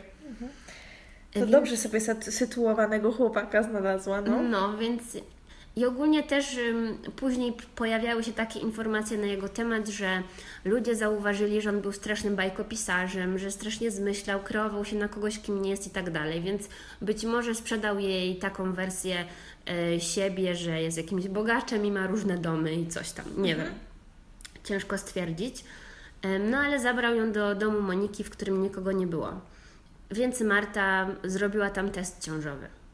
Mm, No i już tutaj zaczynają się schody, no bo tak jak zdradziłam na początku, to jest sprawa zabójstwa 16-letniej Marty. Mhm. Więc już mogę zdradzić sekret, że właśnie wtedy Marta umarła. Em, No i, Zginęła w zasadzie, nie? no tak. E, I możemy się zastanowić, e, czy to była właściwie ta zbrodnia w afekcie, czy zaplanowane morderstwo. Bo Zaciągnął ją do pustego domu, wiedząc, że może być w ciąży. Po to, żeby upewnić się, czy jest w ciąży, żeby zrobiła tam test ciążowy, który pewnie on jej kupił, no nie? No i kolejny fakt, że jak wjeżdżali do garażu, to Marek w jakiś sposób ym, wziął telefon Marty, Mhm. wyjął z tego telefonu baterię i wyrzucił ten telefon. Czyli... Czyli To miał być telefon, jak baterię można e, Przepraszam. Ja myślę o iPhone'ach cały czas. no 2006 rok to pewnie No. jakaś Nokia, Tak. e, z której można było wyciągnąć baterię po to, żeby telefon nie był namierzalny. A skąd wiadomo, że on to zrobił? No bo wyszło tak w śledztwie, może się przyznał albo znaleźli A, okej. jej telefon. Okej. Prawdopodobnie znaleźli jej telefon w tym garażu, pewnie tak. Więc są w domu, Marta idzie do łazienki zrobić test ciążowy. W tym czasie Marek jest w kuchni i przygotowuje coś do jedzenia. No a skoro przygotowuje coś do jedzenia, to Używa noża? używa noża, dokładnie. Chciałam powiedzieć. Tyle się już naczytałam historii, że... E, tak. Później wyszło, że mm, tam robił jajecznicę, kroił kiełbasę i tak dalej, więc nóż mu był do tego bardzo potrzebny. Więc Marta wraca do kuchni i pokazuje mu pozytywny test ciążowy. A on w ramach odpowiedzi na to zadaje jej 36 ciosów nożem. Po raz nie wystarczył. Ponadto, Zrobiłam wielkie oczy, szkoda, że nie ma. Jestem w szoku, no. więc tak, 36 ciosów nożem. Przepraszam za takie szczegóły, ale ten nóż się wygiął, więc, Jezu. więc on wziął e, patelnię, którą miał pod ręką i tą patelnią uderzał ją w głowę. Patelnia też się trochę wygięła, więc ostatecznie dobił ją e, wałkiem do ciasta. Ale co to za psychol? To już te 36 ciosów nożem mu nie wystarczyło, że musiał jeszcze patelnią i wałkiem? Nie mam, nie mam pojęcia w ogóle, jak to wytłumaczyć, no ale takie są fakty. Jest to straszne, biedna dziewczyna. No i co Marek zrobił później? Po tej całej krwawej jadce w kuchni Marek zdjął spodnie, żeby, nie wiem, nie pobrudziły się i e, posprzątał dokładnie w kuchni. Ciało Marty włożył do worka. Worek musiał mieć wcześniej przygotowany, chociaż on twierdził, że wiesz, to nie było przygotowane. No, każdy ma worek, który pomieści człowieka przy sobie, no. Mhm. Potem mm, wsadził to ciało mm, do bagażnika do samochodu. Pojechał do swojego domu, żeby się ogarnąć, umyć, przebrać. No tak, jeszcze musiał przecież wyglądać dobrze, no. Cały czas z tym ciałem w bagażniku, więc natknął się na swojego kolegę e, i ten kolega poprosił go, żeby mu pomógł w zakupie czy też przewiezieniu I tutaj są dwie wersje: lodówki albo pralki. Bo różne artykuły mówią, że to była różna. Jakiś sprzęt y, AGD, tak? Tak, sprzęt AGD. Więc Marek, żeby nie wzbudzać podejrzeń zapewne, zgodził się, więc wziął swojego kolegę do samochodu, tego samego samochodu, w którym były zwłoki, i jeździł z nim po mieście do różnych sklepów AGD. No i w końcu pomógł mu tą lodówkę czy tam pralkę przewieźć. Cały czas ze zwłokami w samochodzie. Boże, ten kolega musiał się czuć strasznie. Kolega nic nie wiedział. No, no, ale po fakcie, jak już się dowiedział, wyobrażasz Aha. sobie? No, Jak się dowiadujesz, że brałeś udział w czymś takim? Przecież, Boże, nie wyobrażam sobie tego tak, nawet. no on był pewnie jakiegoś rodzaju alibi dla niego w tamtym czasie, no nie? No i dalej pytanie, czy to była zbrodnia w afekcie, czy zaplanowane morderstwo, ponieważ e, Marek w tym czasie dzwoni do rodziców Marty, żeby zapytać, gdzie jest Marta. No. A on w tym czasie dzwoni do rodziców Marty, żeby zapytać, gdzie ona jest, bo się o nią martwi, bo mieli się spotkać. I mówi matce, żeby przekazała Marcie, jak wróci, że on do niej dzwonił. No, i w tym czasie też y, właściwie jechał, żeby pozbyć się ciała, jak dzwonił do tej. Czy ta em, lodówka była mu do tego potrzebna? Nie, nie, nie. Aha. Nie, ta lodówka to był e, kompletnie, wiesz, pomysł kolegi. Nie miało nic wspólnego z tym. Em, Aha, no przecież. Dobra, sorry.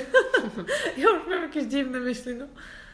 Więc Marek pojechał do Zakrzowiec koło Niepołomic pod Krakowem. No, to jest nieistotne, ale tam był zbiornik wodny, o którym wiedział, ponieważ ten zbiornik wodny należał do ojca Moniki, czyli tej drugiej dziewczyny.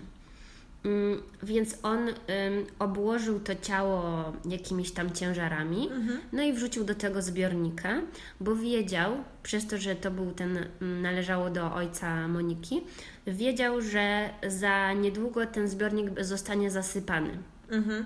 Też w tym samym czasie pamiętał, żeby powiadomić Monikę, co się z nim dzieje, więc napisał SMS-a do Moniki, że tam wiesz, sorry, że nie odbierał telefonu, czy że jest jakiś tam niedostępny, ale kolega go zaskoczył, odwiedził go, no i piją sobie piwko czy coś tam.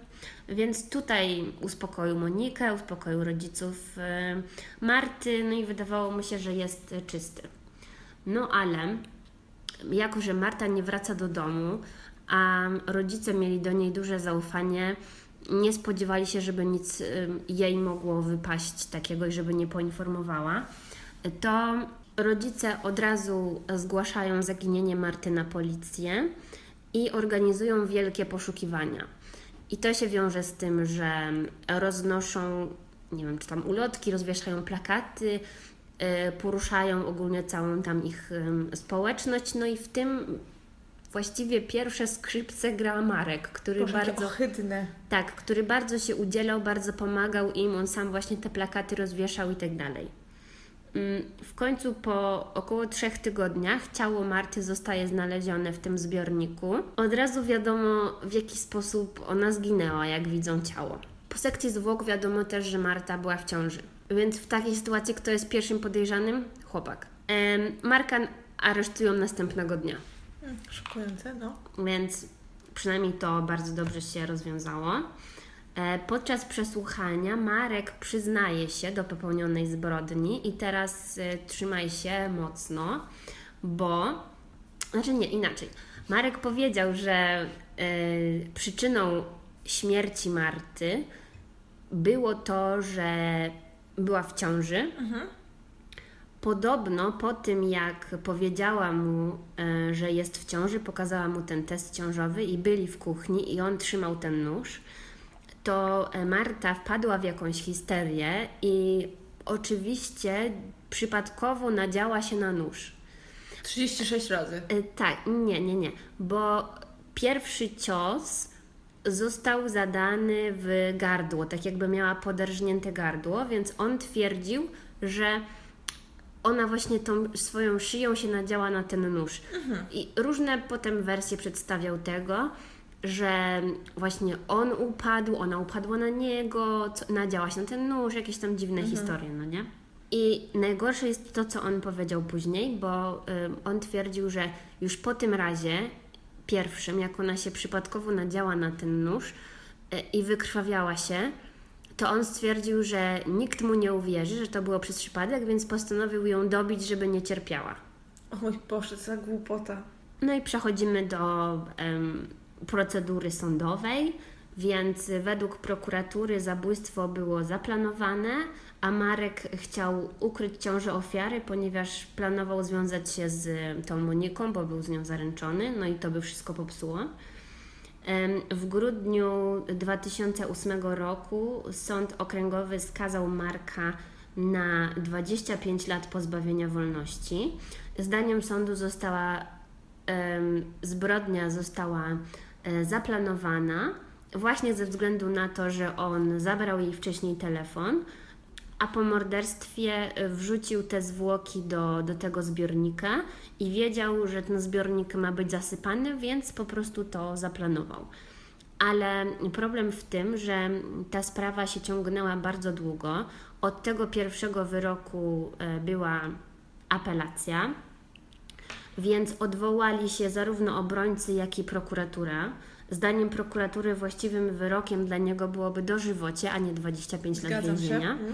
Z kolei obrońcy twierdzili, że to jest za dużo dla niego, ponieważ to nie była zbrodnia zaplanowana, tylko to była zbrodnia popełniona w afekcie, czyli pod wpływem emocji, która właśnie wymaga tej mniejszej kary. I do tego To powoł... mniejsze to tyle, 15?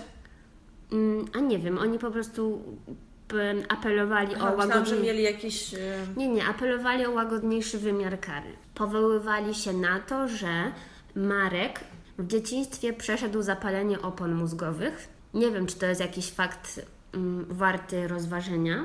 E, uważali, że powinien przejść jeszcze więcej testów psychologicznych i tak dalej. psychiatryczny. I ten pierwszy wyrok e, uchylono z przyczyn formalnych. Nie znalazłam więcej szczegółów, No to nieważne, no. ale potem odbył się kolejny proces, w którym em, znowu dostał 25 lat, ale sąd uznał, że tym razem zbrodnia nie była zaplanowana. I generalnie cała sprawa w sądzie trwała 4 lata, i można sobie wyobrazić, że to musiało być co najmniej masakryczne dla rodziny tej Marty, bo oni cały czas byli ciągani do sądu, cały czas wszyscy musieli zeznawać, więc tak naprawdę oni już mieli dość. Mhm. Są cytaty wypowiedzi ojca Marty, e, który mówił, że obrona usiłuje bronić mordercy, podważając walory moralne mojej córki, co jest niedopuszczalne. Więc pewnie oni nawiązywali do tego, że Marta była rozwiązła, że miała tylko 16 Chyba zawsze lat. tak się robi w takich sytuacjach. Nie to jest bardzo często w, w różnych artykułach na temat Mhm. takich zbrodni. To zawsze jest tak, że uderzają po prostu tam, gdzie No, najłatwiej. Tak, więc nie wiem, nie wiem jak konkretnie oni to poprowadzili, Może to i lepiej, że nie znamy aż takich szczegółów. ale domyślam się, że może właśnie chodziło o to, że to ona się na niego rzuciła, skoro była taka młoda, nieokiełznana i tak dalej, że ona się na niego rzuciła, a on biedny z tym nożem i wiesz, nadziała się na nóż. Mówił też, że nie przyjmuje, znaczy ojciec mówił, że nie przyjmuje przeprosin ze strony Marka, bo nie wykazał się żadną skruchą, ponieważ nie chce powiedzieć prawdy. Nie I chcę cały- też ponieść kary za to, co zrobił. Poza tym, Boże, nawet jakby chciał to, czy, czy wykazałby się skruchą, to czy ojciec naprawdę mógłby przyjąć przeprosiny z jego strony, to Mhm. I mówił, że ojciec tak powiedział, że pierwszy cios w szyję musiał spowodować fontannę krwi. No bo wiadomo, przerwał tętnicę i tak dalej. Więc według ten ojciec powiedział, że każdy normalny człowiek usiłowałby tamować tą krew, przeszkadzałoby mu to. A Marek zamiast tego, zamiast próbować tamować krew i w ogóle, no nie wiem, wezwać pomoc czy cokolwiek, to on musiał cały być w tej krwi tak naprawdę i on zadawał coraz więcej tych ciosów. Więc nie zapominajmy o patelni i wałku do ciasta. tak. Więc no dla mnie w żadnym wypadku nie można czegoś takiego obronić, bo on po prostu wpadł w jakiś szał, morderczy szał. No dobra, a Ty osobiście to jak myślisz? Oczywiście my nie znamy wszystkich faktów, nie byłyśmy tam, nie słuchałyśmy na rozprawie, ale to dla mnie to wcale brzmi, nie brzmi jak zbrodnia w afekcie, no. Nie, no to, ale to jeszcze, Chociaż oczywiście no, w afekcie niby tak robią, że no, walą No tak, no bo poddajesz się tym emocjom, okej. Ale, Ale- ten worek, ale ten Ale to, że staw, zaprowadził ją do, do domu pustego, że wiedział, że nikogo tam nie będzie i że nie zgadzał się na to, żeby ona była w ciąży, no to to wszystko do jednego prowadziło, ale No zwłaszcza, że jeżeli już się zaręczył z tą Moniką, to prawdopodobnie Chciał- w końcu by tą Martę kopnął w tyłek, nie? tak, tak. E, Marek w swoim ostatnim słowie w sądzie mówił, że bardzo kochał Martę i że nie pojmuje swojego zachowania i modli się, by rodzinę Marty nie spotkało już więcej nic złego. I mówi tak: Jedyne na czym mi zależy to przebaczenie, choć wiem, że nie jestem godzien o to prosić ani go dostąpić. Ale sobie napisał, nie? Mowę, albo jakiś adwokat mu podsunął. Mhm. No i już podsumowując, y, były trzy sprawy w sądzie.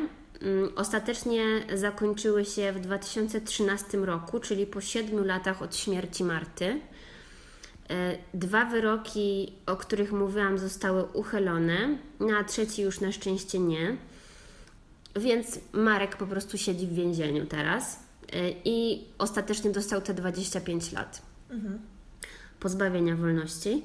I dodam jeszcze, że według biegłych psychiatrów Marek miał, czy też ma dalej, e, głęboko zaburzoną osobowość, jest egocentryczny i impulsywny, wykazuje niski poziom empatii, a jego zachowanie cechuje najpierw działanie, a potem myślenie. I zdaniem biegłych e, ma też bardzo wysoki poziom agresji oraz skłonności patologicznego kłamstwa i manipulowania ludźmi. U, To taki wynieśli koktajl idealny. z, tak, to wynieśli z badań. I ostatecznie według sędziów Marek działał w zamiarze podjętym nagle. To jest w ogóle ciekawa terminologia, bo jeszcze jej nie słyszałam. Ale oni właśnie twierdzili, że on nagle pod wpływem tych emocji to wszystko mu się zrodziło. No nie? Uformował plan. Mhm. I w sposób bardzo brutalny, kierując się motywami zasługującymi na szczególne potępienie. No stąd te 25 lat więzienia, no bo obecnie w Polsce to jest maks, jaki można dostać. I jeszcze mm, kwestia Moniki, bo co się stało z Moniką? Strasznie jej współczuję, no. E, Tak, w ogóle to podobno po morderstwie. Ponoć? Tak. Po morderstwie Marty w jakiś tam dziwny sposób Marek zwierzył się Monice, co się wydarzyło, no i zabronił jej y, mówić cokolwiek, a że ona, durna, zakochana dziewczyna, posłuchała go. Dalej? Aha. Ale nie, no bo to. Co ten Marek miał w sobie, że on takie, taki... Nie, no wiesz, bo chodzi mi o to, że od czasu morderstwa do znalezienia ciała mi, minęły niespełna trzy tygodnie. Więc to było w trakcie tego czasu, więc Okej. ona mogła być w szoku, on mógł być w szoku, Jeszcze więc mogła wierzyć, że to jest jakieś nieporozumienie. tak. E, Więc mm, ona w ogóle została skazana za, za ukrywanie informacji dotyczących zbrodni. Mm, Więc ona została też wciągnięta w to całe śledztwo. Przypuszczam, że przez te 7 lat też musiała być ciągana na te wszystkie sprawy. Podobno przeszła to bardzo ciężko, e, rzuciła studia i leczyła się psychiatrycznie. No czymś było, takim? tak było w jednym z artykułów. No, nie wspominając o rodzinie ofiary, która na pewno ma no, zniszczone życie na całe życie i tak dalej. To Więc straszna tragedia. No, straszny przypadek. W ogóle to było bardzo, bardzo głośna sprawa, wiadomo, w Krakowie. Wszystkie lokalne gazety to Muszę opisywały. powiedzieć, że ja nie słyszałam o tym. Mi wydaje mi się, że coś mi się obiło o uszy, ale z drugiej strony to się działo. No to się wydarzyło mm, ile tam? 12 lat temu, Mieliśmy tak 16 naprawdę. No, wiem. E, Zresztą tak jak Marta. To już nie takie śmieszne? No nie.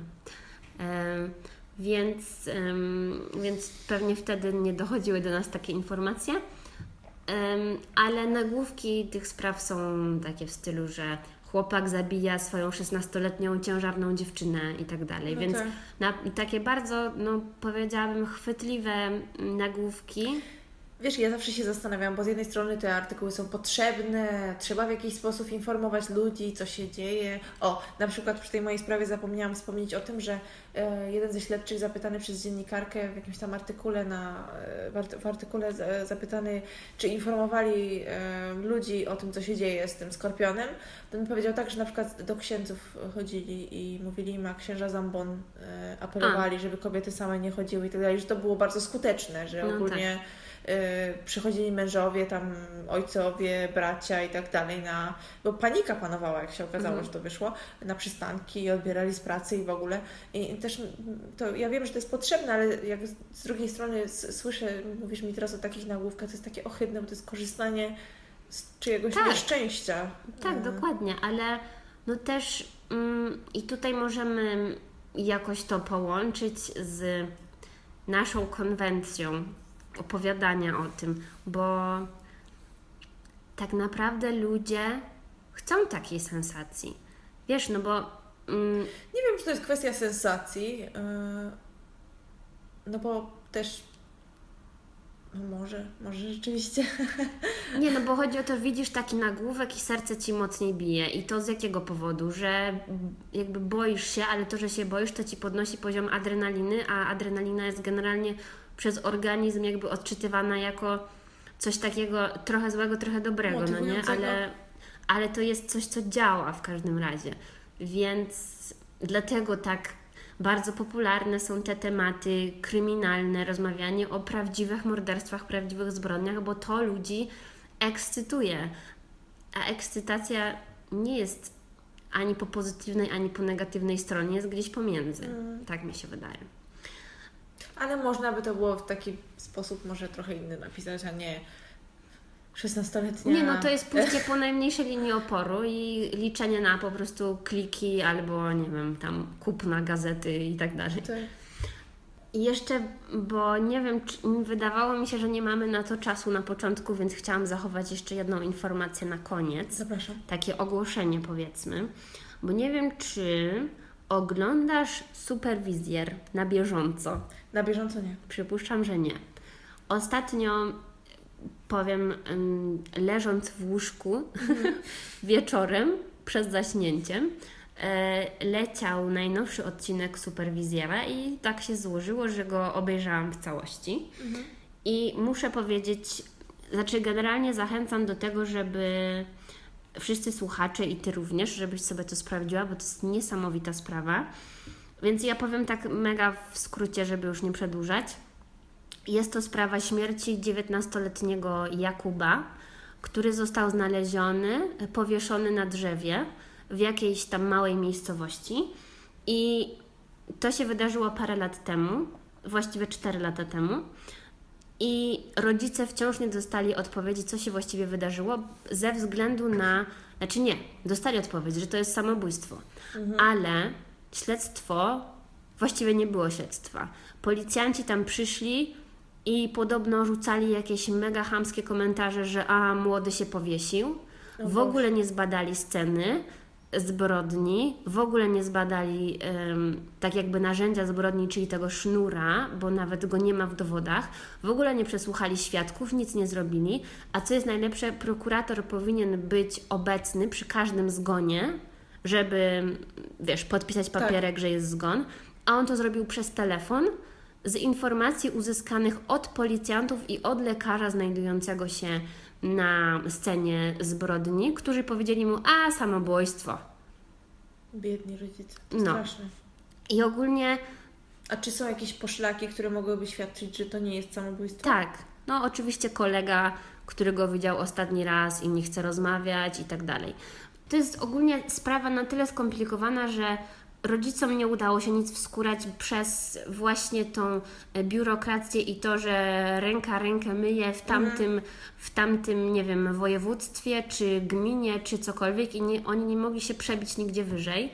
Więc przypuszczam, że uderzyli do reporterów superwizjera i przez to, że puścili to w telewizji, to dzisiaj właśnie na TVN24 słyszałam, że w związku z tym reportażem E, prokuratura jakaś tam okręgowa czy coś wszczęła ponownie śledztwo. No, no Więc zajebiście. Więc chciałam powiedzieć o tym, bo to jest faktycznie Ciekawe jakby bardzo. teraz siedząc już jakby w tym temacie dosyć mocniej, jak widzę, jak ci reporterzy superwizjera, oni są tak szaleni Mhm. i tak dobrzy Już też. rozmawiałyśmy o tym, nie? Przy No. e, oskurowaniu Mhm. i skórzanym body.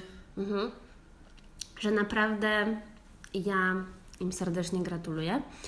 I mam nadzieję, że tamta sprawa się. Trzeba być odważnym, żeby robić takie rzeczy. Nie? No. no, więc myślę, że na mm, takiej w miarę pozytywnej nocie, że właśnie mówienie o zbrodniach czasem może faktycznie Że coś sprawiedliwości zdziałać. stanie się zadość. Tak, to dziękujemy za uwagę. Bardzo dziękujemy. Wiem od dzisiaj, że ponoć to jest moje ulubione słowo. Do usłyszenia za tydzień. Do usłyszenia.